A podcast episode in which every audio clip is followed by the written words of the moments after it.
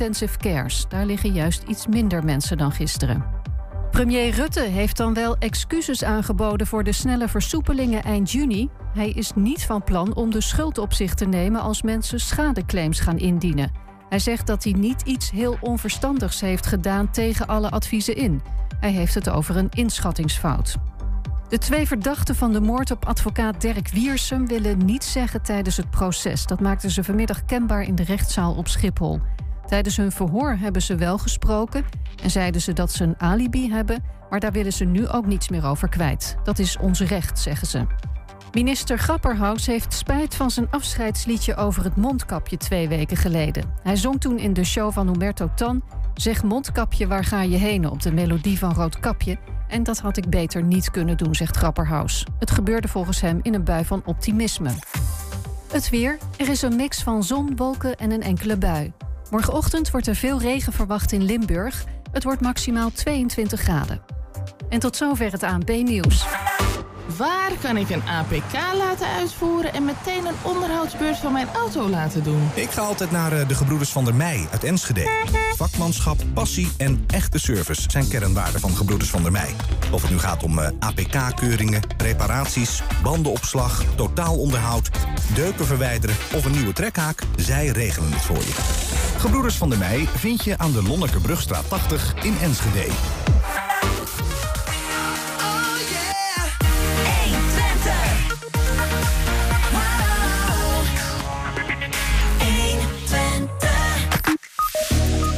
Bas Nijhuis laat zijn licht schijnen op de prestatie van eh, medescheids en medetukker Björn Kuipers in de EK-finale. Ja, een echtpaar uit Borne heeft een succes te pakken op YouTube met hun Camper TV. Twentse boerenbedrijven gooien de deuren open voor bezoekers. En de Enschedese Pien moest een peperdure coronatest op Schiphol doen om het vliegtuig naar haar vakantiebestemming nog te halen. Het is maandag 12 juli en dit is 120 vandaag. 120. Ooit reed eh, Sam Doppen uit Lichtenvoorde zelf BMX-wedstrijden, maar dat bleef bij een relatief korte carrière. Zijn aandacht werd verlegd naar een rol eh, buiten de baan als speaker. Nu is zijn stem niet meer weg te denken in de BMX-wereld, sowieso in Nederland, waar hij voor alle grote wedstrijden wordt gevraagd. Maar ook op Europees niveau, met afgelopen weekend zijn eerste Europees kampioenschap in het Belgische Zolder. En als corona geen roet in het eten gooit, staat hij in augustus zelfs op het WK de wedstrijden te verslaan. Sam, goedemiddag. Goedemiddag, Niels. Ehm, hoor ik nou nog een beetje schorheid in je stem? Mm, Ik denk dat het eh, vanochtend nog wat meer was. Ik denk dat ik inmiddels mijn stem al wel weer aardig terug heb. Ik heb op zich wel een redelijk sterke stem, dat scheelt. Maar eh, het was inderdaad wel een heftig weekend in Zolder. Ja, want je, België. je komt net terug van het EK daar. Ik was gisteravond inderdaad teruggekomen. Ik heb eh, een heel weekend inderdaad in Zolder, België, op circuitzone. Misschien dat je het wel wat zegt. Heb ik inderdaad als omroeper mijn functie beoefend op het circuitzone voor het Europees kampioenschap BMX 2021. Allemaal goed gegaan? Ja, dat eh, ging eigenlijk inderdaad allemaal goed. Het was inderdaad, zoals je al eerder aankondigde, ook mijn eerste EK die ik eh, als speaker heb mogen doen. Mhm. En dat, eh, nee, dat is eigenlijk allemaal heel goed verlopen. Veel complimenten gekregen ook vanuit de Europese Bond. Dus ik ben eigenlijk dik tevreden. Ben jij dan zo van de enige speaker? Hoe werkt dat eigenlijk? En wat doe je dan eigenlijk? Nou, ik ben niet de enige speaker. Er zijn wel meerdere omroepers, ook wel op internationaal niveau. Ehm, nou ja, hoe dat werkt. Ehm, er zijn, waren dit weekend ongeveer duizend rijders, een kleine duizend rijders. Normaal zijn dat er een kleine 2000. Door corona waren alleen de 13-plussers eh, dit weekend aan de beurt. Dus 12 min eh, mocht niet deelnemen aan het EK. Dat had dus te maken met de bezetting in de ziekenhuizen natuurlijk, waar we nog mee te maken hebben. Nou ja, hoe dat in zijn werk gaat. Ik krijg eigenlijk gewoon een lijst met, eh, met deelnemers. Daarvoor staan startnummers. daarachter staat het land. En daar moet je het eigenlijk mee doen. Je staat midden op de baan en ze gaan eigenlijk aan een lopende band komen de races voorbij. En het is aan jou om eh, eigenlijk een soort van te puzzelen met eh, de nummers en met eh, de landenshirts die je hebt. We hebben, we hebben wat beelden. Misschien laten we de beelden zeg maar, zien hoe dat ongeveer gaat. Van jouzelf in actie op dat EK in Zolder. Laten we even kijken. With the final in the category men under 23 from lane number 8 from France with the plate number 102. France makes some noise. Romain to plate number 7 with a rider out of Switzerland with the plate number 767. It's Arthur Klaasens. Ja, zo gaat dat dan. En, eh, en jij bent dus de aankondiger van die rijders de hele tijd. Nou, we kijken hier inderdaad naar de zaterdag van eh, het afgelopen weekend. Het was toen aan de beurt aan de, de junior en de elite rijders. Dat zijn eigenlijk eh, de profs binnen de, de BMX-sport inderdaad. En ehm, nou ja, goed, hier deed ik de finale. Ehm daar kondig ik inderdaad alle rijders aan. Ook met eh, de livestream die je zag. Met een camera die, ehm, nou ja, waar de rijders zeg maar één op één werden voorgesteld. Was het aan mij de taak goed de camera te volgen als het ware. God, ze beginnen bij de buitenkant. Dan nog een stukje weer naar binnen. En uiteindelijk kom je bij de binnenste uit. Dan heb je alle achterrijders op volgorde. Van hoe ze staan aan de starthek eigenlijk voorgesteld. En eh, ja, goed, op het moment dat dat hek dan valt. Dan gaan ze alle acht van start. En dan is het gewoon eh, rammen eigenlijk. Gewoon, Maar ben jij eh, dan ook degene die op dat moment verslaat wat je ziet, Ja. zeg maar? Dus je Ja. bent soort van de commentator ook van de wedstrijd. Ik ben eigenlijk inderdaad de commentator. Het is, eh, je keek net naar presentaties aan het eh, starthek. Dat klopt. Maar ehm, daarnaast doe ik inderdaad ook het verslag van de race zelf. Ja, ja. Hey, en in hoeverre, Sam, want je, bedoel, je, dit is niet je eerste internationale wedstrijd. Nee, Toch? dat klopt. In hoeverre is dit nou eh, afgelopen weekend voor jou ook topsport? Meer dan wat je gedaan hebt? Want ik, weet- ik weet niet, wat, wat, wat heb je hiervoor allemaal gedaan? Nou ja, zoals je inderdaad al aangaf, deed ik nationaal doe ik eigenlijk wel alles. Dus eh, dan heb je topcompetitie op landelijk niveau. Daar zijn altijd de toprijders van Nederland aanwezig. Je hebt een Nederlands kampioenschap. Ook heb je een Three Nations Cup. Dat is een drie landen competitie tussen Nederland, tussen België en tussen Duitsland. Ook die heb ik meerdere malen mogen doen. Ik ben één keer eerder naar België geweest voor een Europese ronde. In 2019 in Peren. Een Europese ronde, dat is eigenlijk een competitie over een heel jaar. Dus op het moment dat je zo'n wedstrijd wint, mag je jezelf niet bekronen tot Europees kampioen of tot de nummer 3 van Europa. Mag je wel zeggen op de Europese ronde 1 en 2 ben ik bijvoorbeeld als nummer 3 geëindigd. Ja, dat ja. dan weer wel. Ja, maar afgelopen weekend was echt het Europees kampioenschap met echte Europese titels. Mhm. Dus dan ben je ook echt Europees kampioen 2021. Mocht je op het juiste moment zeg maar pieken en de finale rit winnen. Ja. Dat is eigenlijk wel voor mij de grootste wedstrijd. In combinatie met eh, dat ik het in België mocht doen. Eh, op het prachtige circuit van Zolder. Dat is een heel mooi circuit, ook bekend van de autocross. Ehm, en ja, andere diverse sporten is BMX daar een onderdeel van. Maar dat is gewoon een hele happening op zich. Als je daar al aankomt gereden en eh, ja, daar als omroeper eigenlijk je ding mag doen. Maar leg het ook extra druk op jouw schouder, dat, want het is een EK, Europees kampioenschap. Ik bedoel, eh, is het voor jou anders geweest de afgelopen weekend? Of is het inmiddels wel een beetje een routine dingetje? Nou, het grootste verschil is dat het hier natuurlijk allemaal internationaal is. Er werd van mij verwacht dat ik heel het weekend Engels ging praten. En ehm, nou ja, dat is natuurlijk een stuk anders dan Nederlands. Zoals je wel kunt voorstellen, moet ik op het begin wel even schakelen. Dus het is ook veel denken, wat zeg ik nu? Of wat moet ik nu zeggen? Uiteindelijk kom je daar wel in. Ehm, ook omdat er veel internationale mensen waren waar ik mee moest werken. Zo moest ik zaterdags met een Zuid-Afrikaan ehm, werken. Die deed de interviews op de finishlijn. Dat is een eh, professional eigenlijk die eh, wordt ingehuurd door de bond. Die was er alleen met de profs op de zaterdag. Die deed de interviews op de finishlijn. Ja. Ehm, nou ja, anyway, ik moet gewoon heel veel Engels praten met mijn collega's op dat moment. Dus ik was heel de weekend Engels aan het praten. En uiteindelijk rol je daar gewoon een beetje in. En wordt dat ook routine. Ja, ik merk dat wel eens als, als we hier interviews hebben die in het Engels zijn of in het Twents, wijs van, eh, Ja, dat je op een gegeven moment andersom, in de, als je weer terug gaat naar het Nederlands, dat je dan zelfs even moet schakelen. Ja. Het is ook maar net waar je in zit. Maar dat ging je goed af, dat Engels? Je, of, of was het nog wel even vallen en opstaan in het begin? Nou ja, nou ja, goed. Het was inderdaad wel even wennen. Zeker met eh, die zaterdag werd ik wel redelijk eh, nou ja, voor de leeuw gegooid, in de diepe gegooid, laat ik het zo zeggen. Want ik moest het in mijn eentje doen, het verslag zelf.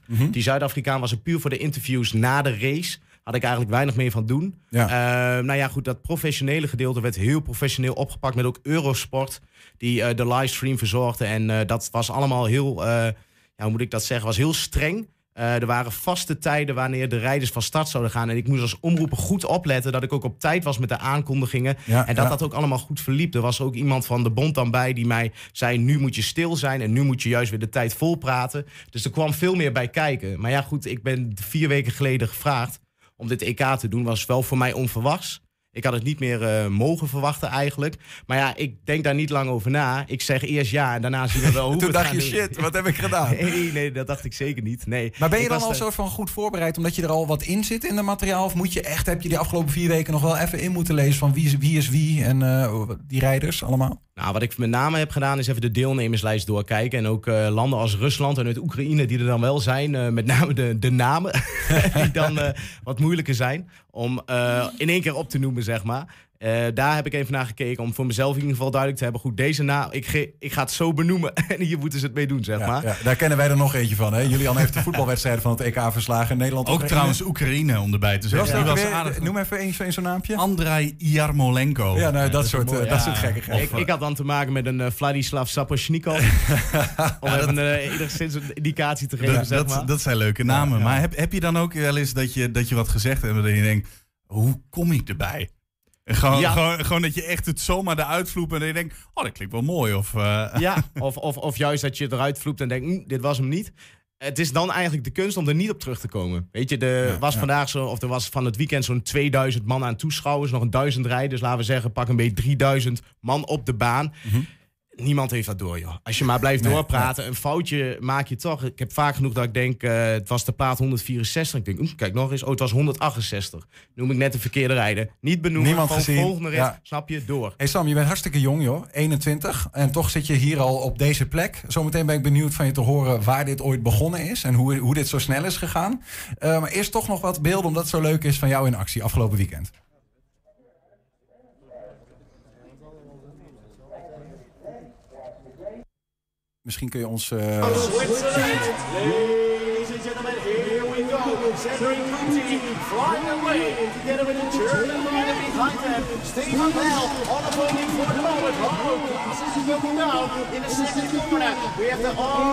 on the number three spot. Nathaniel from France. Hell in second position. But your UEC BMX European champion 2021 is coming from Switzerland. Je hebt ook gewoon een eigen jas, zie ik nu joh. Je hebt gewoon een dikke jas met jouw eigen naam erop. Het begint inderdaad aardig te lopen, Niels. Ja, Geweldig man. Ja, Ja. Ja. fantastisch. Nee, want eh, ik zei al 21 jaar. Ehm, Klopt. Was jij, toen je geboren werd, dacht je, dit ga Nee, want je wilde eerst zelf gaan BMX'en. Waar begon dit, dat je uiteindelijk eh, op dit podium stond? Nou, om helemaal terug te gaan in de tijd begon het eigenlijk nog wel als wat, nou ja, toen ik negen of tien was, op kleine fietsjes rondcrossen. Dat vond ik leuk. Eh, met scheppen gingen we dan bulten maken van, van zand natuurlijk. En dat leek eigenlijk nergens op, maar goed, we vermaakten ons met de jongens van de buurt. Ehm, nou ja, twee jaar later, denk ik rond mijn elfde, ben ik, eh, heb ik een fiets, echt een goede crossfiets gekocht. Ben ik eh, bij de vereniging Lichtenvoorde lid geworden. Zit daar trouwens iets in de grond of zo in Lichtenvoorde... dat die, al die jongens daar BMX'er worden? Want de bekendste BMX'ers van Nederland... die komen allemaal uit die buurt, toch? Ja, veel uit het oosten van het land wel. Eh, Jelle van Gorkum denk ik dat je met name bedoelt. Die Ja. was eh, natuurlijk de nummer 2 nog van de Olympische Spelen in 2016 in Rio. Dat klopt. Dat, eh, ja, die komt ook uit Lichtenvoorde. En dat is natuurlijk ook een bekende naam binnen de BMX-sport. En dat heeft wellicht wel te maken met de populariteit die we in Lichtenvoorde wel hebben. Want die Ja. is er inderdaad wel degelijk. Eh, nou ja, als elfde ben ik inderdaad lid geworden bij de vereniging in Lichtenvoorde. Op mijn twaalfde ben ik begonnen met clubwedstrijden. Ik denk dat ik op mijn dertiende wat meer nationaal begon te, te rijden. 2014 heb ik nog mee mogen doen aan de WK in eh, Nederland. Eh, in Ahoy, Rotterdam. was een hele mooie ervaring. Eh, niet verder gekomen dan de voorrondes. Maar de ervaring op zich was al meer dan voldoende, om het maar zo te zeggen. Ehm, ja, uiteindelijk kwam ik op een leeftijd van 16, 17. Dan moet je die keus maken. Ik heb het nog een keer mogen afsluiten met een zesde plek van Nederland. Ehm, maar toen had ik wel zoiets van... Ja, ik vind uitgaan met mijn vrienden ook wel heel aantrekkelijk. En, Dat kon niet helemaal naast elkaar. Nee, dat kon niet helemaal naast elkaar. Want van jou werd wel verwacht dat je zondags weer op tijd eh, eruit ging. Mhm. Eh, en weer rond 9 uur, half tien ergens op een baan in Nederland stond. En het, de ene keer was het in Noord-Holland, de andere keer was het naast de deur. Dat verschilde natuurlijk wel. Maar ja, goed, er hoorde wel bij dat je fit was. En eh, nou ja, goed, als je die avond ervoor natuurlijk uitgaat, eh, is dat wel een iets ander verhaal. Dus toen ehm, heb ik eigenlijk het BMX, de wedstrijden, heb ik eigenlijk beëindigd. Of ik ben daar niet meer mee doorgegaan. En ehm, nou ja, omroepen leek me heel leuk. Maar dat was eigenlijk alweer een stukje daarvoor. Toen kwam ik een omroepen niet opdagen. Die liet een paar dagen van tevoren weten, joh, ik kan niet. Ehm, ik had toen al wel wat meer naar buiten gebracht... dat mij het een keer leuk zou lijken om te doen. Eh, een clubgenoot van mij heeft dat wat meer benoemd naar andere mensen toe. Van, goh, die jongen moet je eens een keer een kans geven... mocht je in die mogelijkheid zijn. En nou ja, goed, die mogelijkheid ontstond eigenlijk al gauw... eh, nou toen die omroepen zei, kom niet. Ja. En eh, de club eigenlijk eh, met de handen in het zat. Weet je, het Ja. classic verhaal van het jongetje dat op de tribune zit en denkt, nou, dit is mijn kans. Ja. En daar ging je. Ja, ja eigenlijk en, wel. maar hoeveel jaar was dat? Hoeveel jaar geleden is dat nu? Waar we het over hebben? Vijf jaar geleden, toen was ik 16 jaar. Ongelooflijk, hè? In vijf jaar gewoon nu op het Europese podium. Ja. Dat is inderdaad, dat is mooi inderdaad. Wat je zegt, binnen vijf jaar is dit eh, waar ik dan nu sta. En, Hey, kun, eh, je, kun je die dingen nu naast elkaar doen? Uitgaan en spieken? Als in, hoe ziet zo'n weekend er achter de schermen uit voor jou? Of wist je nog wel focussen? Nou ja, dit weekend was wel heel veel focus. Dat moet ik wel echt benoemen. Het eh, was veel briefingen tussendoor, ook na die tijd weer. En je, je eet ook wat later, want je bent eigenlijk heel de dag onder de pannen. Je moet weer naar het hotel. Ehm, daar doe je vaak misschien nog wel één of twee biertjes even met de crew, eh, de andere mensen van het team, eh, van de bond die het eh, allemaal organiseren. Ehm, maar daar blijft het dan wel weer bij. Want rond een uurtje of twaalf moet je zeker wel weer naar bed. Want half zeven, zeven uur staat de wekker weer voor de dag erna. En dan moet je weer. Ja, ja, ja. Dus nee, dit weekend was eigenlijk wel heel gefocust. Daarnaast moet ik wel zeggen dat ik niet vies ben van een biertje op een, een vrijdag of een zaterdagavond. En, eh, tot slot dat- dan, eh, Sam, want eh, we, hebben nog tijd voor één soort van anekdote van hoe zo'n BMX-wereld er op de achtergrond uitziet. Ja, kun je eens wat met ons delen van, ja, misschien heb je een gek verhaal in je hoofd die je meemaakt, dingen die je meemaakt tijdens zo'n toernooi. Ik weet niet of alles de radio mag halen, maar eh, Oké, ik zit. maar hoe bedoel je dit? Nou ja, gewoon, eh, nou ja, ik bedoel eigenlijk van, wat is nou een van de dingen waar, die je- bij jou opspringen van, ja, wat dingen die je mee hebt gemaakt in je carrière tot nu toe, en misschien wel van afgelopen weekend of eerder, van die in je voorhoofd zitten nog van, ja, dit is gewoon prachtig aan die wereld. Dit Nou vind ik ja, mooi. Dit vond ik heel mooi te doen, dit EK. De sfeer was geweldig. Je had eh, echt volle tribunes. En het was heel leuk om als omroeper eh, bijvoorbeeld te benoemen van eh, Belgium, make some noise. België laat jullie horen. Of Nederland laat jullie horen. Want het publiek ging gewoon met je mee. Dus dat was gewoon heel gaaf om te doen. De vlaggen gingen de lucht in. Je hoorde toeters en bellen, om het maar even zo te zeggen. Maar er was gewoon een geweldige sfeer. Afgelopen weekend was het een soort van stadiongevoel door de tribunes en de bomen eromheen. Ja, dat was gewoon fantastisch. Dit was echt wel mijn hoogtepunt tot nu toe uit mijn carrière. Ja, We hopen ja. natuurlijk in augustus het WK te doen Waar hangt dat vanaf? van corona. Dat Oei. hangt puur af van corona. Als het WK doorgaat, dan sta jij op de speakers. Dan sta ik eh, zes dagen lang op de speakers inderdaad. Met, eh, met een Engelsman en met twee andere Nederlanders. Dus dan gaan we dat met vier man inderdaad oppakken. Zes dagen lang, een week lang kun je gerust zeggen. Dus dat, eh, nee, dat wordt een fantastische show. Geweldig man. Ja. Fingers crossed. Ja, Sam Doppen, dank voor je komst. En eh, veel man. plezier met enigszins onnuchteren van zo'n mooi weekend. komt goed. Dank je.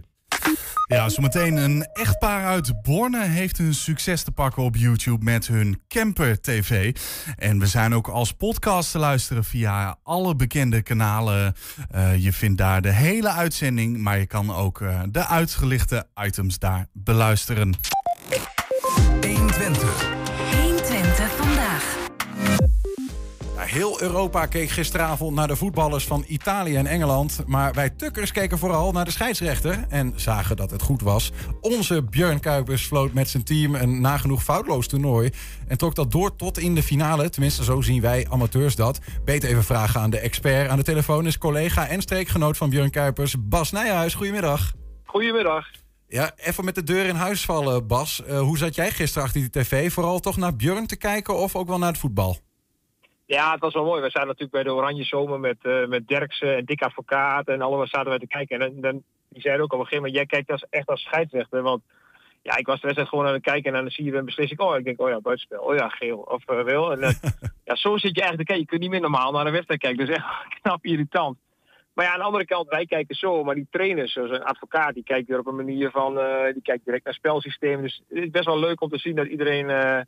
Ja, een beetje op zijn eigen manier naar kijkt. Wat is jouw analyse dan van hoe uh, Björn het deed gisteravond?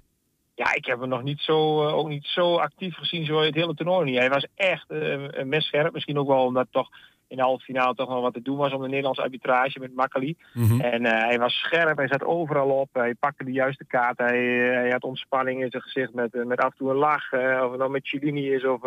ja, het was echt, uh, hij vloot echt een wereldpartij. Ik denk dat ik een van zijn beste partijen heb zien fluiten van de laatste jaren. Ik, en dat vind ik wel echt uh, heel mooi. Dan maak je wel trots. Was dat nou ook belangrijk trouwens, Bas, voor de Nederlandse scheidsrechter? Want je zei al even, het was een beetje een relletje, hè? Makkeli in de halve finale, een penalty, ja. wel of niet. Um, en toen werd er ook gezegd van, ja, eh, als, als, als Kuipers nu ook weer een fout maakt, eh, dan wordt misschien wel een beetje gek naar de Nederlandse scheidsrechters gekeken. Is dat een angst die je dan hebt of helemaal niet? Ja, er zit wel druk op. Maar ook bij een scheidsrechterbaas daar uh, van, de, van de UEFA, Rossetti, die stelt natuurlijk halve finale en de finale Nederlanders aan. Nou, je zag wel dat Paul van Boekel natuurlijk de vaste VAR van Kuipers, die was nu uh, geen eerste VAR, maar tweede. Om, er was omdat er best wel wat te doen was om die situatie bij Danny.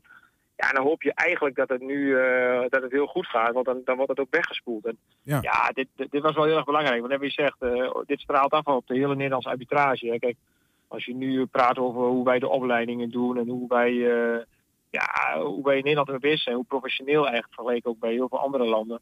ja, dan is dit wel een heel mooi, uh, ja, mooi extraatje. En dat wordt alleen maar positief in Europa verteld. Ja, je noemde al het woord trots, had je in de mond net op, op Kuipers als je dan nog zit te kijken. Is dat ook een soort van, toch een beetje regio-trots? Als in, hoe is jullie relatie eigenlijk? Ja, tuurlijk. het is wel mooi als een tukker in de finale staat. Dat is echt, dat is echt geweldig. En ja, wij zijn altijd niet zo van het, we zijn best wel nuchter en en uh, kijk, als je in, bijvoorbeeld in, in Turkije of uh, je komt daarvan, je bent Turks scheidsrechter en je, je komt in de finale en dan staat het hele land staat op de kop. Hè, een nationale trots. En wij Nederlanders zijn er allemaal wat nuchter in. Wij zijn altijd van ja jongens, doe maar, even, doe maar normaal. Mm -hmm. Maar dat maakt me wel echt, uh, ik denk dat we heel erg trots mogen zijn dat, dat, dat Bjorn heeft gestaan. En ja, de Nederlandse toch hoog heeft gehouden. Hè. Geweldig, ja. In jouw boek trouwens, uh, Niet zeiken voetballen, beschrijf je heel, wat, uh, heel wat situaties hè, met bekende voetballers. En vroeg me af, gisteren op dat veld, zitten daar nog spelers tussen waar je een mooi verhaal over hebt? Iemand als Cellini bijvoorbeeld, is natuurlijk een merkwaardig karakter. Ja, Cellini is fantastisch. Het zijn echt voetballers. Kijk, Cellini die komt gewoon uh, bij je met de aftrap en die gaat gewoon een gesprekje met ja, hey, ref, nice that you are here. En ik vind het fantastisch dat je er weer bent. En je draait je om en, en, hij, en, hij, en hij schopt iemand, uh, of hij pakt iemand bij de klauwen. ja, dat, is, dat zijn allemaal van dat soort voetballers die echt, ja, die kennen het spel zo goed. Als ik hem gisteren ook zag hoe hij dan weer een spelen echt bij zijn shirt in, in, in een een of andere greep geworden. Dat hij, ja, normaal op de Olympische Spelen had hij direct goud gewonnen met die greep. Maar hij uh, ja. Maar Was... dat zo'n speler kun je er niet kwaad op worden. Want hij, dan staat hij erop, je geeft hem geel en hij lacht weer. Nou, dat vind ik mooi, dat soort spelers. Uh, is dat niet lastig ook als, als scheidsrechter dat je soms wordt ingepalmd door dat soort karakters? ja, ja, ja, dat uh, moet je wel de eerste keer dat je ze fluit, dan, uh, dan kun je daar wel eens intrappen. Maar goed, op een gegeven moment ken je je spelers wel. Maar je hebt natuurlijk meer van die types, hè, de Sergio Ramos en dat soort types. Ja, die zijn allemaal zo, die doen niks anders. Ja, ja. ja die zijn heel geslepen daarin. Dus ik vind het wel mooi, ik vind het wel heel gaaf om te zien. En, en heb je eigenlijk in andere landen ook nog wel eens problemen met de taal dan, als je zo'n EK moet fluiten? Uh, uh, komt dat eigenlijk nog wel eens voor? Dat je, dat je daar rondloopt en denkt, ja, wat moet ik hier nou eigenlijk mee? Bijvoorbeeld in ja. Turkije of zo. Ja, nou ja, Turkije is natuurlijk wel uh, een verhaal. Ik heb ook wel gehad dat, dat ik naar Galatasaray moest. En ja, ik had ook een Turkse jongen, die woonde drie straten verder met mij. En die zei van, ja, kun je me even wat Turkse woorden leren? Natuurlijk. Ja, en ik nam het ook maar gewoon over. En ik zei, hoe moet ik het doen als een muurtje op 9,15 meter af staat? Ik zei, nou, dan zeg je gewoon tak maar dies, tak maar dies. Nou, dus op een gegeven moment, ik in die wedstrijd in Galatasaray, in een grote heksenketel dus ik zei die spelers op afstand, ik zei meelopen, tak maar die, tak maar die. Ja, die spelers die keken maar, joh, die begonnen naar elkaar te praten. En ik denk, wat, is dit? Dus ik ging nog meer op verbaal. Op een gegeven moment gingen ze wel, en dan ging dreig ik, ja, ik zei, anders krijg je geel. Dus ik zeg, kom op, tak maar die.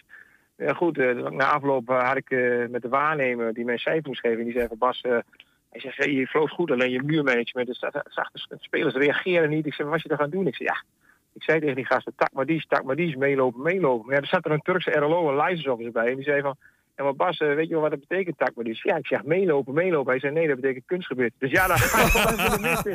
Ja, dan gaat wel even de mist in. Uh, geweldig. Dus is dat, dat is wel jammer. Is dat maar ook ja. de reden dat we jou nog nooit op een ernstig grote ja, finale hebben gezien, Bas? ik weet niet of je mij het weekend hebt gezien bij de oefenwedstrijd Heracles Go Eagles. Waar ik niet eens in de gaten dat, dat, dat, dat, er geen doelman was. Dan weet je wel waarom ik er niet sta. Hè? Ja, dan hadden we net een nieuwe doelman daar op doel gezet. ja, dus hey, uh, dan kun je wel nagaan. Bas, tot, tot slot nog één vraag. En die moet ik stellen voor een collega. Ja? Ga je altijd fluiten naar je werk? ja, oh. ja. die is echt wel. Die collega moet je direct ontslaan. Ik weet niet wie dat heeft verzonnen. Geef me door ja, Emiel nee. Urban bij deze. Ja, gaan we even mee in gesprek. Nee, maar ik ga altijd fluiten naar werk. Dat klopt wel, ja. En je gaat morgen op huwelijksreis, hè? Nou, huwelijksreis. Ik ga wel even nu even op vakantie. Even een beetje. ja, huwelijksreis. Uh, die moet nog wel komen. Maar uh, nee, is wel leuk. Het was een paar leuke dagen, dus uh, ja, ik heb er. Nou, heel veel plezier in ieder geval uh, wat je ook daar gaat doen en waar je naartoe ja. gaat. Bas Nijers, en dank en, even voor, voor, je, voor je belletje. Dankjewel hè. Groetjes. Jojo. Hoi, Ja, tussen de steden in Hengelo, Oldenzaal en Enschede tuigden de Duitsers tijdens de oorlog een groot militair vliegveld op. 76 jaar na de bevrijding zijn er nog sporen van terug te vinden. 120-verslaggever Arjen Wanes ging op onderzoek uit. Het zijn de begindagen van mei 1940, nog voordat Nederland zich capituleert, dat hier op vliegveld Twente de eerste Duitse eenheden aankomen. Wat ze hier aantreffen is een groot grasveld met wat opgeblazen gebouwen. En in een paar jaar tijd bouwen de Duitsers het uit tot een groot terrein van maar liefst 1549 hectare. En tijdens de oorlog speelde deze vliegbasis een belangrijke rol voor de Duitse Luftwaffe.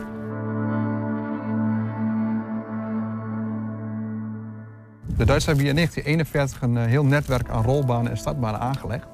Dus hier aan de voorkant hebben we een startbaan liggen. We hebben hier iets verder nog een startbaan. En we hebben nog eentje aan deze kant staan. En ze hebben dus drie banen aangelegd, allemaal in een andere richting. Want je, je moet weten dat een vliegtuig altijd het liefst tegen de wind in opstijgt. En omdat de wind natuurlijk eh, best wel veel eh, verandert, eh, moet je dus eh, meerdere richtingen hebben, een baan hebben, zodat je altijd makkelijk eh, in de wind eh, kan opstijgen. Dus hier heb je dus drie banen dus staan en hier omheen hebben we dus ook allemaal eh, rolbanen. En het gaat zo ver, dus eigenlijk om het hele vliegveld heen, zodat de vliegtuigen vanuit alle banen kunnen opstijgen. Nou, dit is een van die, van die Duitse rolbanen. En deze rolbanen die, die, die lagen hier eigenlijk zodat de vliegtuigen van hun parkeerplaatsen eh, makkelijk naar de, en snel naar de, eh, naar de stadbanen konden eh, rijden. Dus om het hele vliegveld heen lagen deze rolbanen. En wat opvalt aan deze baan is dat er witte steentjes in het midden liggen. En dat heeft allemaal te maken met de rol die het vliegveld had. Want het vliegveld was, werd gebruikt voor de nachtjacht. En de Duitse vliegtuigen die, gingen voornamelijk s'nachts dus ehm, de geallieerde bommenwerpers onderscheppen. En deze witte steentjes die lagen hier omdat het vliegveld natuurlijk geen eh, verlichting had, omdat ze natuurlijk geen doelwit wilden zijn. Dus deze reflecterende steentjes werden hier in het midden gelegd, zodat de piloot eh, met de lamp van zijn eigen vliegtuig precies kon zien waar hij naartoe moest. Dus deze steentjes die, eh, die, lopen helemaal richting de baan, zeg maar. En dan kon de piloot gewoon prima in het donker zien van welke kant hij op moest rijden. Nou, naast deze witte steentjes werden al deze rolbanen en stadbanen groen geschilderd. En dat kun je hier nog heel goed zien. Eh, want je ziet hier dus allemaal nog teerresten en nog wat groene plekken. En eh, waarom de Duitsers dat deden is eigenlijk eh, heeft te maken met camouflage. Want je moet je natuurlijk voorstellen, als Duitser wil je natuurlijk niet dat de geallieerden weten waar je vliegveld ligt. Dus wat ze dus deden is dus dat zij dus alles groen maakten en dan hoopten ze dat de, de geallieerde vliegtuigen dan maar dachten dat dit gewoon een, een boerenakker was of een, of een graslandschap. Eh, het heeft niet echt geholpen, want eh, de geallieerden wisten donders goed dat hier een vliegveld lag. En het vliegveld is dan nog meerdere keren tijdens de oorlog gebombardeerd. En eh, in april 1945 kwamen hier de geallieerden aan en namen het vliegveld over. De geallieerden hebben hier tot, tot aan het einde van de oorlog gezeten. Daarna nam de luchtmacht de basis over. En nu is het een, een natuurgebied.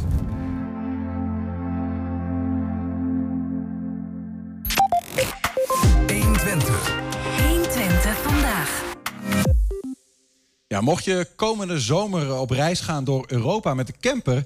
dan bestaat zomaar de kans dat je Wilma en Erik uit de Borne daar tegenkomt. Misschien ken je ze ook wel van Camper TV. Dat YouTube-kanaal begon Erik zo'n drie jaar geleden... om het thuisfront op de hoogte te houden eigenlijk van alle vakantie... eh, vakantieperikelen, zeg maar. Maar ja, wat begon als een hobby is bijzonder uit de hand gelopen. Inmiddels 11.000 abonnees op hun YouTube-kanaal. Wilma en Erik, welkom. Dankjewel. Ja, dat is eh, inderdaad een uit de hand gelopen hobby, of niet, Erik? Ja, dat zou je wel zo kunnen zeggen, ja. Want ik had gedacht, als wij 50 kijkers hebben... nou, dat zou ik al eh, best wel eh, leuk vinden. Dan zijn er dus mensen geïnteresseerd in de video's die toen ik nog alleen maakte. Ja, en dat het er drie jaar later meer dan 11.000 zijn... dat is natuurlijk eh, bizar eigenlijk. Laten we heel even kijken naar wat mensen dan zoal zien op dat kanaal. We zijn op weg voor een weekendje Brabant... maar eerst is het tijd om even wat te eten.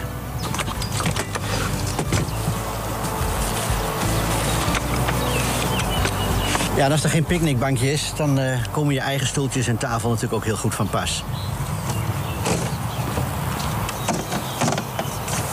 Ik heb vanochtend al gekookt. Het is nog warm.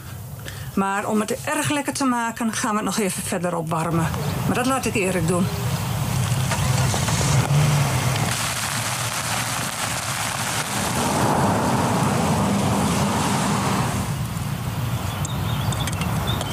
En dit is voor ons dus het echte campergevoel.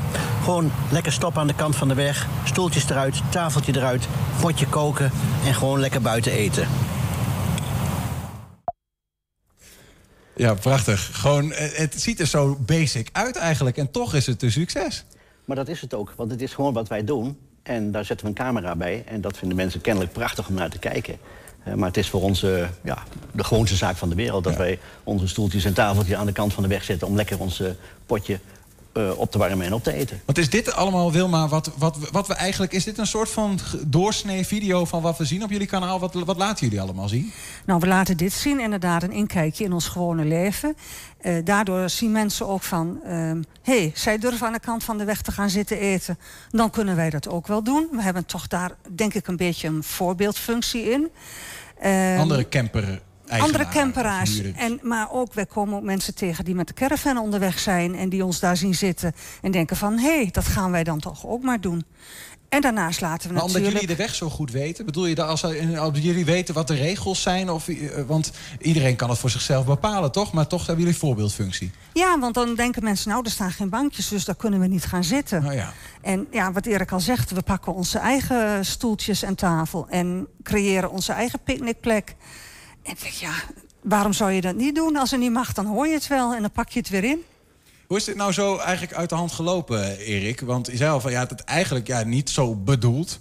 Toch is het gebeurd. Ja, nou, fotograferen en filmen is altijd al mijn hobby geweest. Hè, dus daar begint het wel mee. Uh, ik deed dat vroeger al, uh, zelfs op Super 8 en later op uh, videocassettes. op een gegeven moment ben ik, na mijn werkzame leden, leven, ben ik vrijwilliger geworden bij RTV Borne en Radio Hengelo TV. Daar heb ik zeg maar een beetje het vak geleerd van video's maken, monteren, interviewen. Om daar leuke uh, onderhoudende video's van te maken. Uh, op een gegeven moment gingen wij steeds vaker weg met de, met de camper. Dus heb je veel minder tijd om als vrijwilliger aan de slag te gaan. En toen dacht ik van, ik ga twee vliegen in één klap slaan. We gaan en lekker camperen. En ik ga leuke filmpjes maken. En of daar nou iemand naar kijkt of niet, dat was ik toen helemaal nog niet mee bezig. Maar kennelijk spreken die filmpjes toch zoveel mensen aan dat uh, ja, dat, dat een succes is. Geworden. Kijk je af bij, bij andere kanalen of zo? Ken je, heb je voorbeelden? Nou, sterker nog, ik kijk uh, liever niet bij andere kanalen... want dan ben ik bang dat ik die ga kopiëren. En dat wil ik juist niet. Ik wil mijn eigen stijl, uh, onze eigen stijl houden. Maar heel stiekem kijk ik wel af bij de grote televisiezenders... hoe ze dingen doen, hoe ze het in beeld brengen... hoe ze op het journaal itempjes maken. Een bekend televisieprogramma We zijn er bijna... worden wij wel eens mee vergeleken. Slow TV, het gaat eigenlijk helemaal nergens over... maar ja, ik kijk wel eens hoe ze dat doen en denk ik van... wat kan ik daarvan leren, zonder ze te gaan kopiëren natuurlijk. Ja. Jullie gaan ver weg, soms met de camper. Maar ook heel dichtbij. Bijvoorbeeld vorig jaar op het Van Heekplein. Laten we even kijken. Wat bent u aan het doen, meneer? Ik ben een luifel aan het opzetten. En lukt dat een beetje? Uh, het is zweten, maar dat is, uh, het gaat goed. Het gaat goed. Ja, het komt helemaal voor elkaar. Waarom heeft u zich opgegeven voor dit evenement? Uh, het is toch een fantastische, fantastische kans om hier te kunnen staan. midden in de stad, met je camper. Ja, het is natuurlijk een leuke kans om een keer midden in de stad te kunnen kamperen. We, zijn al, uh, we hebben jonge kinderen, dus we gaan niet zo vaak meer uit. Dus we dachten, nou, dit is uh, een kans die moeten we grijpen. Ik was nieuwsgierig wie erop af zou komen. En? Ah, een, een grote belangstelling. Had ik niet verwacht in eigen stad. Lukt het, mevrouw? Ja, ik ben aan het denken... Oh, ja. ik ben aan het denken wat de hoge en de lage kant is. Het moet natuurlijk wel gezellig worden hier, hè? Maar dit is toch niet de eerste keer dat u kampeert, denk ik? Nee, dat zou wel heel raar zijn. Maar ik ben niet zo heel goed nog erin, hoor. dus ook dit soort, dit soort dingen zitten er wel. Je laat niet alleen je eigen leven zien, maar ook echt uh, interviews, wat je al zei. En uh, Wilma, wat zitten er nog meer van dat soort verrassingen op jullie kanaal? Ja, absoluut. Als we een bijzondere camper tegenkomen, dan krijgen we altijd de mensen voor de camera. En in 99 van de 100 gevallen mogen we ook even binnenkijken. En mogen we dat op film zetten. Want dat is natuurlijk nog leuker. Wat is de gekste camper die je ooit van binnen hebt gezien? Um, Zondag. Die komt aanstaande zondag online inderdaad. Het is een, een zelfbouwcamper op een legertruck. Die is echt heel bijzonder. Ook is, dit hele... nou, is dit nou echt zo? Of hebben jullie nou heel goed door dat je nu zeg maar je eigen kanaal een beetje moet pluggen... en dat mensen dan zondag moeten gaan kijken? Nou, ons kanaal pluggen hoeft niet meer. We hebben al zoveel kijkers. Ja. Maar als er wat bij komen is het natuurlijk erg leuk. Ja, ik vraag dat ook wel, omdat ik dan denk... van jullie hebben natuurlijk in, in de loop van de tijd... is het gewoon een succes geworden. Dus weet je steeds beter wat werkt. En ben je misschien wel ook wel voor die kijkers... en voor het succes gaan doen, stiekem? Nee, Nee, echt niet. Nee, nee, wij, vanaf het begin af aan pakken we mensen die wij interessant vinden. En die, die vragen wij, wil jij iets vertellen voor ons kanaal? Want we hebben kijkers die dat ook weer leuk vinden. Dus dat is eigenlijk vanaf het begin af aan doen we dat al. Absoluut. En even op jouw vraag terug te komen. Dit was zeker niet gepland, want ik ben vanmorgen nog aan het monteren geweest... voor die video van komende zondag. Uh, die video hebben we eigenlijk bij toeval opgenomen. Want uh, de meneer met die camper, die kwamen we tegen tijdens de opnames van een ander filmpje. Mhm. En toen zagen we zijn camper staan en toen dacht ik direct van... ja, dit is een item, dit is een onderwerp, dit ga ik in beeld brengen. Tenminste, proberen. En inderdaad, dat wilde hij ook voor de, voor de camera. En dat is een heel bijzonder verhaal geworden. En dat gaat dus helemaal niet over ons, maar helemaal over iemand anders. En dat is ook wel eens leuk, die afwisseling daartussendoor. En Ja. mensen kijken al genoeg naar ons, vinden wij. Wie zijn die kijkers van jullie eigenlijk? Die mensen die dat blijkbaar zodanig interesseert... dat ze zich abonneren en... Het zijn eh, voornamelijk mensen die 50 plus zijn. Dat kan ik in eh, YouTube zien in de statistieken. Eh, we komen ook heel veel mensen onderweg tegen die ons kennen. Hè. We voelen ons soms net bekende Nederlanders, want overal worden we dan eh, herkend. Ja, echt in die campingwereld ben je gewoon... eh, Nou, Ik zal je vertellen, toen wij zaten te eten... eh, Erik was het stoeltjes en de tafel weer aan het binnenzetten. Ik zei, nou, dan ga ik even afwassen, want ik vind dat zo naar... om met, met, met vuile vaat op een camping te komen. En toen werd Erik aangesproken. Hé, hey, maar jij bent van Camper TV. en dan sta je op een parkeerplaats zo'n half uur... met mensen te praten die je volgen. En dat is gewoon heel erg leuk. Nog geen aanbieding van John de Mol gehad? Nee, en die gaan Nee. we ook afwijzen. Want wij willen absoluut onszelf blijven. En dit als een hobby eh, blijven zien ook. En we willen zeker niet... eh, we willen best bekend worden. Maar we willen geen, eh, daar geen commercieel eh, doel aan hangen. En nog even terug te komen op jouw vraag van wie zijn dan die kijkers. Het zijn mensen die zelf een camper hebben. Die zijn besmet met dat virus. Die willen er alles over weten. En wij gaan straks ook weer overwinteren. En dan gaan we laten zien hoe wij in Spanje eerste kerstdag met een korte broek aanvieren. Nou, de meeste campers staan dan in de stalling. En mensen vinden dat prachtig om naar te kijken. Maar het zijn ook mensen die eh, net een camper hebben, die nog heel veel tips zoeken. Het zijn mensen die van plan zijn om een camper te kopen. En het zijn gewoon mensen die geen camper kunnen kopen, of om wat voor reden dan ook. Maar die het gewoon heerlijk vinden Ja, om ja. zeg maar, virtueel met ons op reis te gaan. Je hebt het over een virus, Erik. Wat is dat virus? Dat jullie waarschijnlijk ook hebben. Dat campervirus. Ja, ga met een camper op reis en ervaar de vrijheid. Eh, je hebt elke dag als je wilt andere buren. Eh, je hebt, eh, als je s'morgens je gordijntje open doet, dan heb je een prachtig uitzicht. Eh, dat, dat, dat is het virus. Het, het, het zien van andere dingen. Het praten met mensen waar je normaal nooit mee zou praten. Andere ideeën opdoen. Gewoon doen en laten wat je zelf wil. Dat, dat Ik, is beg- echt leuk. ik begrijp ook, Wilma, dat op een gegeven moment ging jij presenteren. En toen ging het op een of andere manier nog meer los dan dat het al was, hè? Ja, dat klopt. Dus, eh, Zometeen ben ik benieuwd wat het verhaal daarachter is. Eerst even, want eh, ehm, jullie geven ook eh, tips. Ja. En we hebben een eh, recente video uit Leeuwarden. Zeg maar tegenwoordig Venetië van het noorden. Laten we even kijken.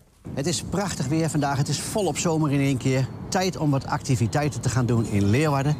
En we beginnen met een hele leuke activiteit, namelijk in een heuse Venetiaanse gondel een rondvaart krijgen door Leeuwarden.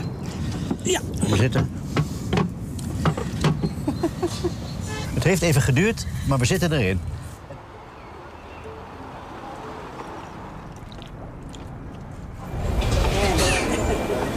We dachten dat we door een tunneltje gingen, maar zo heet het niet. Het heet een pijp. Romantisch, hè? Samen in een gondel. Ja, echt wel. We hebben echt het gevoel dat we weer in Venetië zijn. Is ook acteerlessen genomen, of niet? Of dit zo, eh, Nee, nee we zijn heel, wij proberen gewoon onszelf te zijn. Ja. En dat, dat lukt heel goed. Want eh, zoals je op televisie ziet, of op het, ons YouTube-kanaal ziet... zo zijn we in werkelijkheid ook. En we zien jou hier ook in beeld. Dat was niet altijd zo. Nee, ik wilde dat niet, want ik lees heel graag. En dan zei Erik van, nou, dan ga ik maar eens even een beetje de omgeving bekijken en filmen. En, maar op enig moment, dus als je andere mensen voor de camera krijgt... dan was het van, als jij nou eens even die camera vasthoudt... dan kan ik wat meer presenteren. Dus ik deed toch al een klein beetje mee. Totdat mensen vroegen van, aan, aan Erik van, eh, heb jij geen vrouw? Jawel, maar die staat altijd achter de camera. En toen kwam ik dus af en toe eens voor de camera. En toen werd hem gevraagd van... eh, kan jouw vrouw eigenlijk wel praten? Ja, dat kan ze ook wel. Dus toen ging ik praten. Mag ze dat ook? Nou, dat vroegen ze nog niet, geloof ik. Hè? Nee. Ze eisten het eigenlijk. Ze eisten het. En sinds die tijd eh, ja, doe, ik, doe ik mee voor de camera in plaats van erachter. Niet bij elk filmpje hoor, maar toch wel heel veel. En, eh, ja, en sinds die tijd zeggen mensen ook van... oh, wat leuk dat we jou ook in beeld zien. En eh, wat, eh, wat ze dan tegen ons zeggen van... sinds jij meedoet, ja, is het kanaal gewoon ontploft. Het, ja, het is gewoon erg leuk. eh, Ik denk dat het ook een beetje de combinatie is. Hè. Wilma is natuurlijk heel spontaan. Die is gewoon helemaal 100% zichzelf. En ik probeer toch een beetje te presenteren. Ik, ik vertel de technische dingen. eh, presentaties over wat er te doen is. om de omgeving. Ik doe vaak de interviews. Ja, dat ziet er allemaal net iets eh, ja, anders uit. En Wilma is- Gelikter. Gelikter, want ja, ik wou het woord niet gebruiken. Maar Wilma is natuurlijk zichzelf, die is veel spontaner. En dat, dat vinden mensen heel leuk. Maar ik zelf denk dat die combinatie leuk is. Ja, ja. Het verveelt niet gauw, hè? Maar was dat dan ook het, eh, het, het moment van de kanteling? Zeg maar, want uiteindelijk zo'n YouTube-kanaal, eh, tenminste, dat denk ik... dat gaat niet van de een op de andere dag. Maar toch is er een moment dat je in één keer ziet... nu op een of andere manier hebben ze ons te pakken. Nu zien we... Wat was dat moment dat dat kanaal in één keer bekend werd? Is er zo'n moment geweest? Ik denk dat jij dat al een beetje aankaartte. Toen wij twee jaar geleden voor het eerst gingen overwinteren... was het voor ons allemaal nieuw. Dus wij lieten zien van wat is er nou eigenlijk nieuw voor ons. En voor de kijker was dat ook nieuw. Want er zijn best mensen die niet eh, durven te reizen Ja. naar een ver land, omdat ze niet weten wat ze kunnen verwachten. En toen wij lieten zien van, ja, maar zo moet je tanken. En eh, als je, we stonden in Barcelona en wilden graag het centrum in, dan moet je een bus pakken. Hoe ga je dat dan doen? Er waren mensen die, die weten gewoon niet van hoe moeten wij dat doen. En als wij laten zien, kijk, je gaat daar naartoe en zo trek je je ticket en je vraagt welke halte moet ik uitstappen. Dan durven Precies. andere mensen dat ook. Ja. En wij denken dat dat een beetje het, het, de omslag is geweest naar nog meer kijkers. Want dan krijg je toch de mond-op-mond reclame.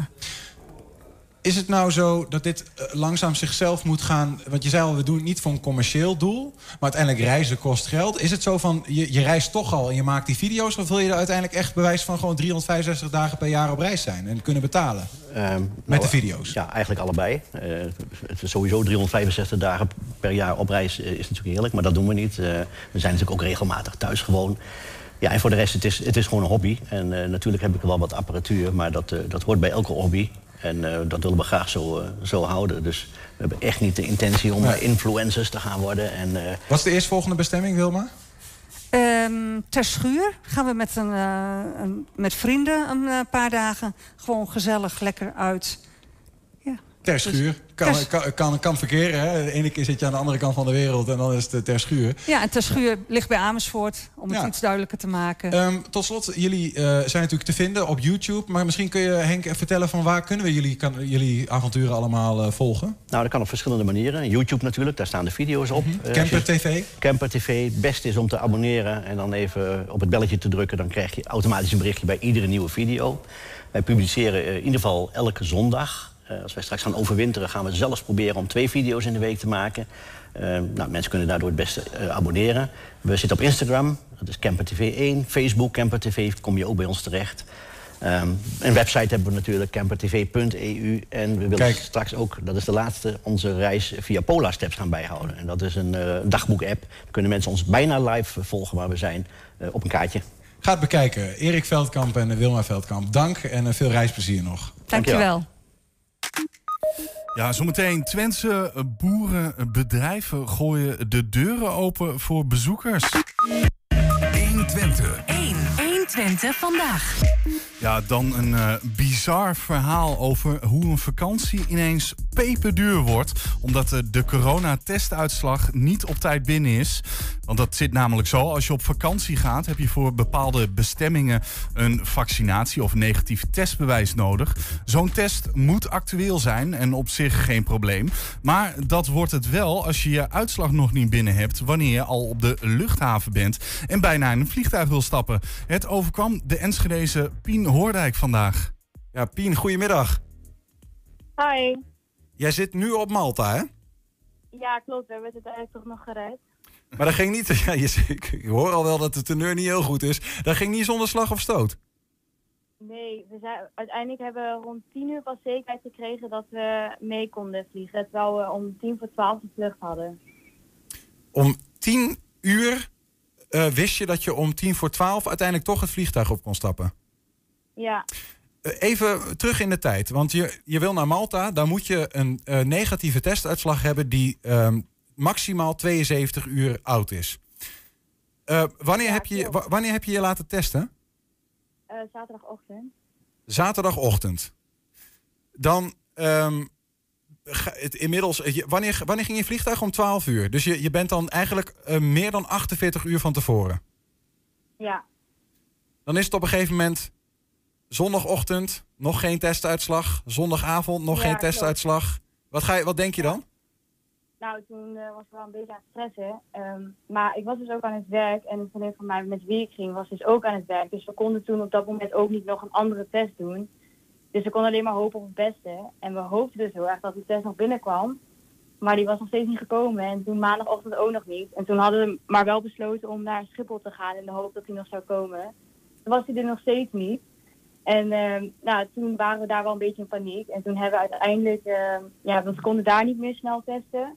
En bij de GGD daar konden we ook niet snel testen. En toen zijn we uiteindelijk bij het hotel naast Schiphol konden we testen. Maar dat was dus wel heel erg duur. Je hebt uiteindelijk dus eh, op een plek vlakbij Schiphol een, een, een- commerciële teststraat moeten pakken om nog op tijd het vliegtuig te kunnen nemen. En hoeveel heb je dan uiteindelijk voor een test betaald daar? 300 euro. Zo, wacht, je leek even een robot. Hoeveel? 300 euro. 300 euro? Ja. En hoeveel kost jouw Voor vakantie überhaupt? Eh, ja, het hotel was 250 euro. Dat kan toch niet? Dat is echt ongelooflijk. Dat is echt... Ja. eh, ehm, dit- maar dat is, dat is gewoon... Ja, nou ja, de- de- er was ook geen alternatief inderdaad. GGD niet. nee, nee. En op het vliegveld kon het ook niet. Maar het vliegveld zou anders ook wel eh, rond de 200 of 300 liggen. Heb je inmiddels, Dus werd je, heb je inmiddels je testuitslag al binnen? Überhaupt? Je, van van, van, Ja, je, van je allereerste test van zaterdagochtend? We reden dus net met de taxi naar het hotel toe. En toen kregen we een mailtje dat de testuitslag binnen was. Maar dat is dus echt ondertussen al meer dan drie dagen geleden. Oh, en het is ook echt heel erg vervelend lijkt me dat je hem dan zeg maar net binnenkrijgt als je dus al 300 euro hebt betaald. Ja, Hey, en eh, had je, want er is natuurlijk een kleine kritische noot. Hè? Je had 72 uur van tevoren nodig gehad. Ehm, je had hem ook nog iets eerder dan zaterdagochtend kunnen halen, toch? ja, zou kunnen in principe. Maar toen moest ik ook werken en toen gingen we nog een dagje weg. Dus dat kon allemaal niet. Wa- Was er eigenlijk een belofte? Want je hebt, je hebt je laten testen. Waar heb je eigenlijk laten testen zaterdagochtend? Ehm het ging gewoon via de Rijksoverheid, via testen voor je reis. En ehm, wij hadden dan op vliegveld Twente via Lead Health COVID Service. En ja, dat ging dus mis. Zit er, zijn er nog beloftes gedaan eigenlijk? Van hoe, hoe snel je dan zo'n testuitslag krijgt? Ja, binnen 24 uur wel. 24 tot 28 uur dacht ik. 24 tot 28 uur. Maar dat werd dus meer dan Ja. 48 uur. Ja, En nu dan? Want ja, ik bedoel, ja, nu zit je op Malta. Nu moet je vooral gaan genieten van je vakantie. maar je bent gewoon 300 euro lichter door die test. ja, klopt. Dus ik hoop heel erg dat we het nog terug kunnen krijgen. Maar ik weet niet of dat kan. Jongen, jongen, wat een verhaal, hé. En, en ken, jij, want ik weet niet of ken jij nog mensen in je omgeving die soortgelijke verhalen hebben? Die nou, eh, of, Eh, ja, ik kwam wel mensen nog op Schiphol tegen toen we dus in de rij stonden om te testen. En toen waren er ook al andere eh, reizigers die tegen mij zeiden van ja, wij hebben ook laten testen en we hebben ook gewoon geen uitslag gekregen. En sommigen hadden dus inderdaad die gratis test gedaan en sommigen hadden er zelfs nog geld voor betaald en die hebben ook gewoon geen uitslag gekregen. Is nog wel leuk op vakantie? Hoe ga je nou de knop omzetten in Malta? Nee, het is nu wel helemaal goed. Het is hier lekker weer en eh, ja, het komt helemaal goed. Hoe warm is het daar? 30 graden met zon. Niels, Oh, kun ik jij een andere presentator regelen? ja, precies. Ja. Nou, we zitten hier ook aardig warm, kan ik je Ja. vertellen. Ja, Pien Hordijk, ehm, dank voor je verhaal. En toch, eh, ondanks alle crap, eh, heel ontzettend veel plezier op Malta op vakantie. Ja, dankjewel. Doeg. Ja, en heb je een tip voor onze redactie? Mail dan naar info.120.nl 120. 120 Wanneer gaat een koe melk geven? Of geeft een koe altijd melk? En hoeveel liter dan? Hoe vaak wordt er per dag eigenlijk gemolken? En op welke manier gebeurt dat dan? En hoe komt die melk in de supermarkt? Wat eet en drinkt een koe eigenlijk? En wat is het verschil tussen een biologisch en een gangbaar melkveebedrijf? Ja, zomaar wat vragen die vijf boerinnen in Enschede graag beantwoorden tijdens rondleidingen in hun bedrijf de komende weken. Straks praten we met twee van hen. Eerst even meekijken met de rondleiding vandaag bij Bioboer Stokkers. We zijn hier eh, op de boerderij van Jenny Stokkers in Boekelo. Waar we met haar gaan praten en met de mensen gaan praten die van haar een rondleiding krijgen op het bedrijf. We zien vanmiddag een aantal kinderen, een paar ouders die meekomen.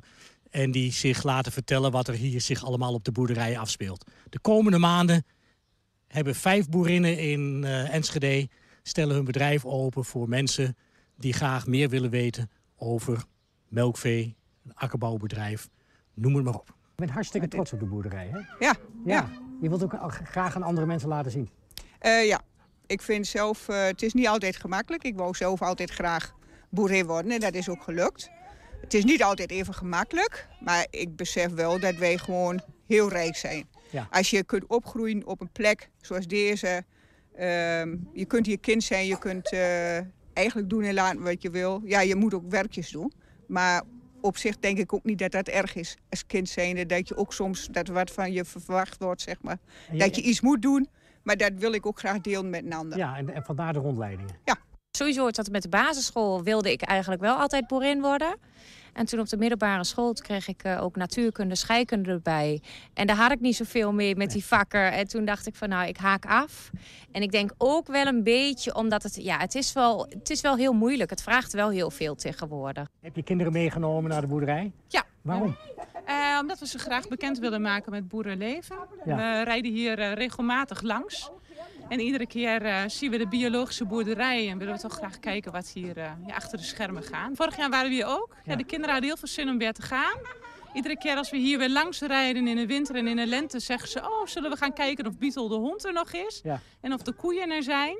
Dus dat, ja, dat trekt ze heel erg. En zoals ze nu ook op dit moment aan het doen zijn. Ze mogen bij de kalfjes in de stal. En straks mogen ze nog weer hooi uit gaan rijden. En ze vinden het prachtig. En het is echt een hele goede kennismaking met het boerenleven.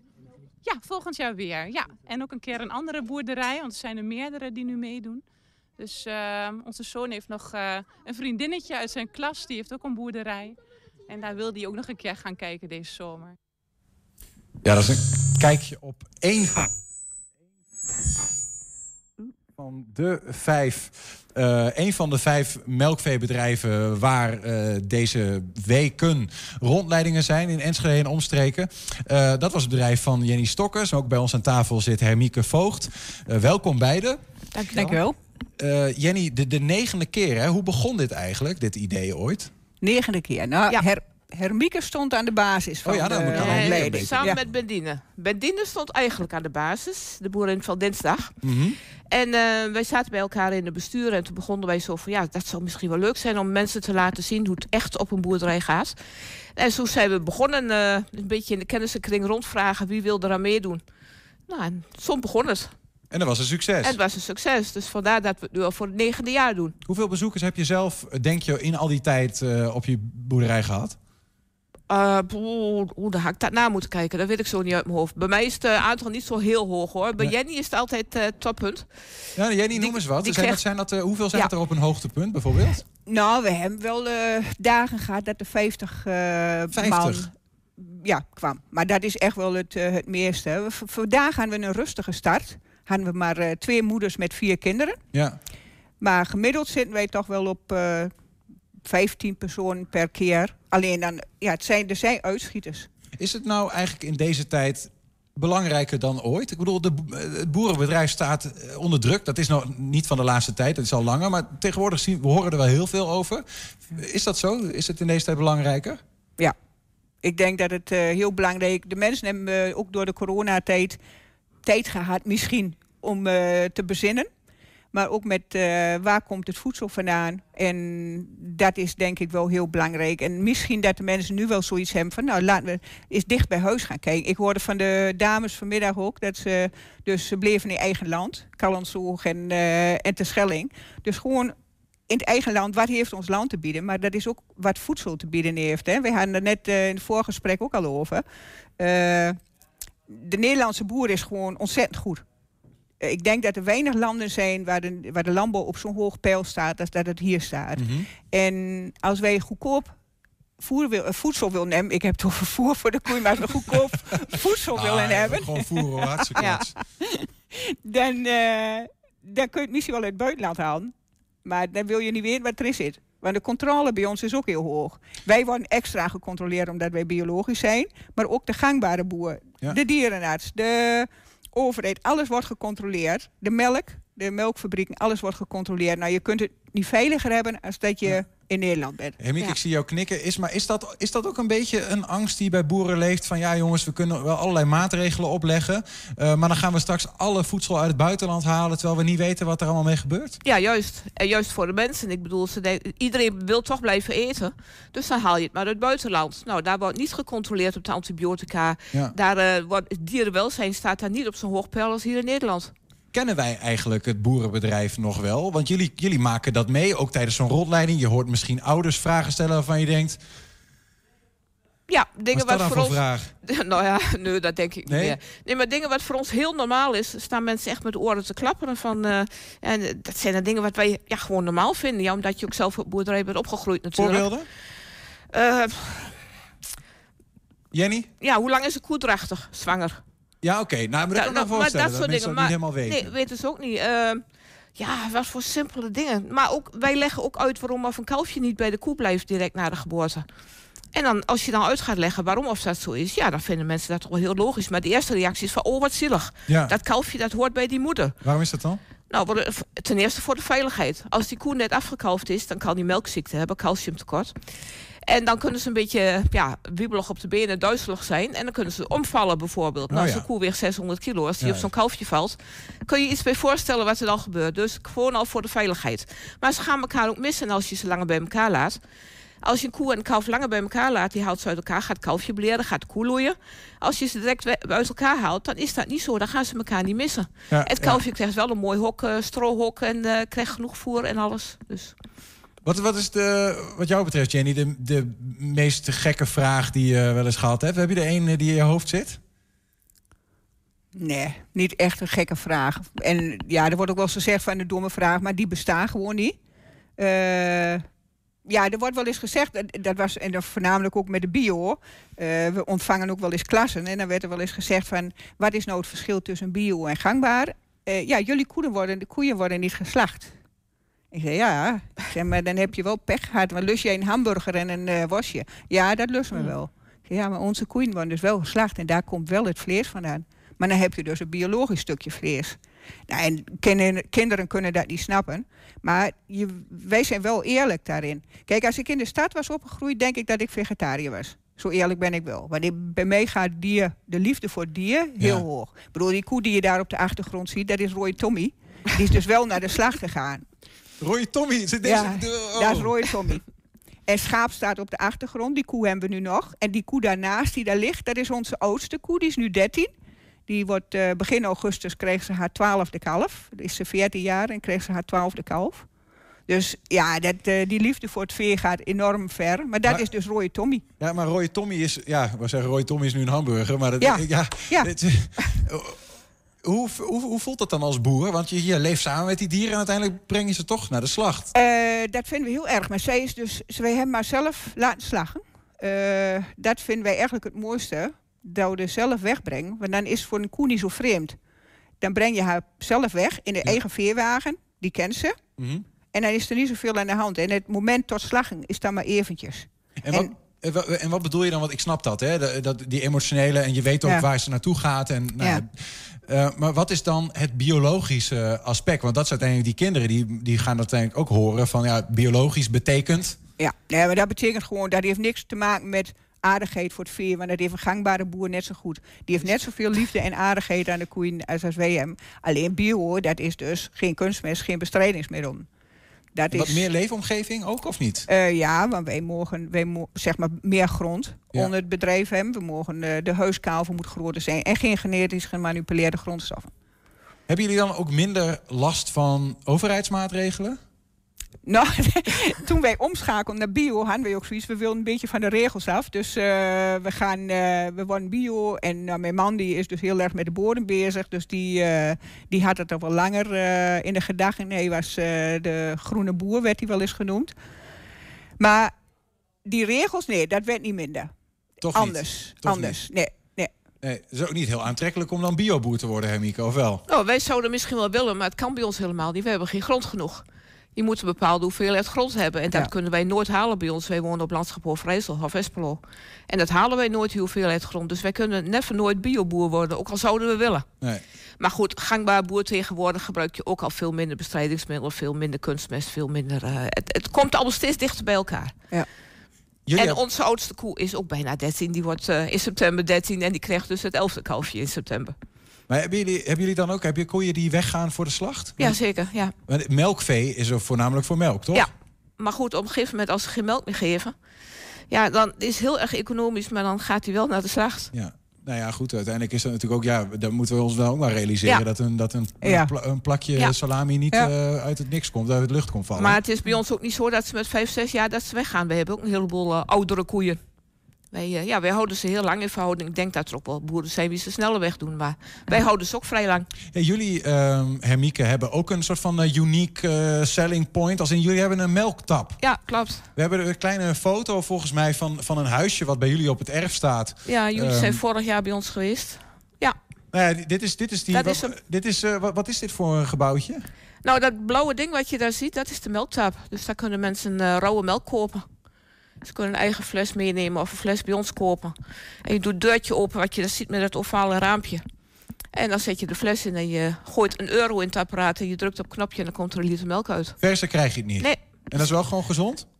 Is gezond. Als je zelf goed gezond bent, is dat heel gezond. Nee, ik moet officieel moet ik eh, zeggen dat je het eerst moet koken voor gebruik. Oh ja? Maar eh, eh, ja, maar dat hoeft stiekem toch niet. nou ja, Ja, eigenlijk, wel. eigenlijk moet Ja, het wel. oké, die houden we Laat zo. ik maar zeggen dat we dat wel moeten doen. Ja, ja, ja. En maken er veel mensen gebruik van? Heel veel, ja.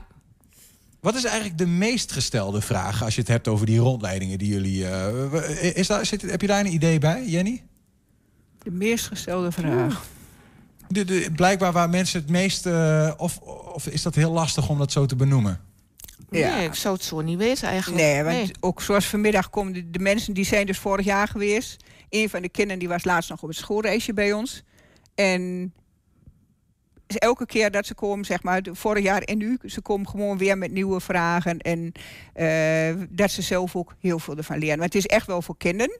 Maar de oude lui, die, eh, Ja, ja, en die, opa's en oma's. die neem je gewoon erbij Ja. mee. Ja, het is ja. gewoon, maar je bent, maar zoals nu ook, we zijn om twee uur begonnen, maar ik moest rennen dat ik om vier uur de stal uitkwam. Ik heb gezegd tegen de mensen van, nou, je red je maar, ik ga weg. Want eh, Het zijn Ja. ook wel werktijden. Want ik heb even de andere, eh, zeg maar, ik heb alle Ja. vijf boerderijen Ja. even Ja. gebeld. Van, Ja. hey, ze- eh, vind je het leuk om langs te komen? Ja. En de Nee. meeste waren druk. Ja. Ehm, ja, hoe- hoeveel uur per dag werkt een boer eigenlijk?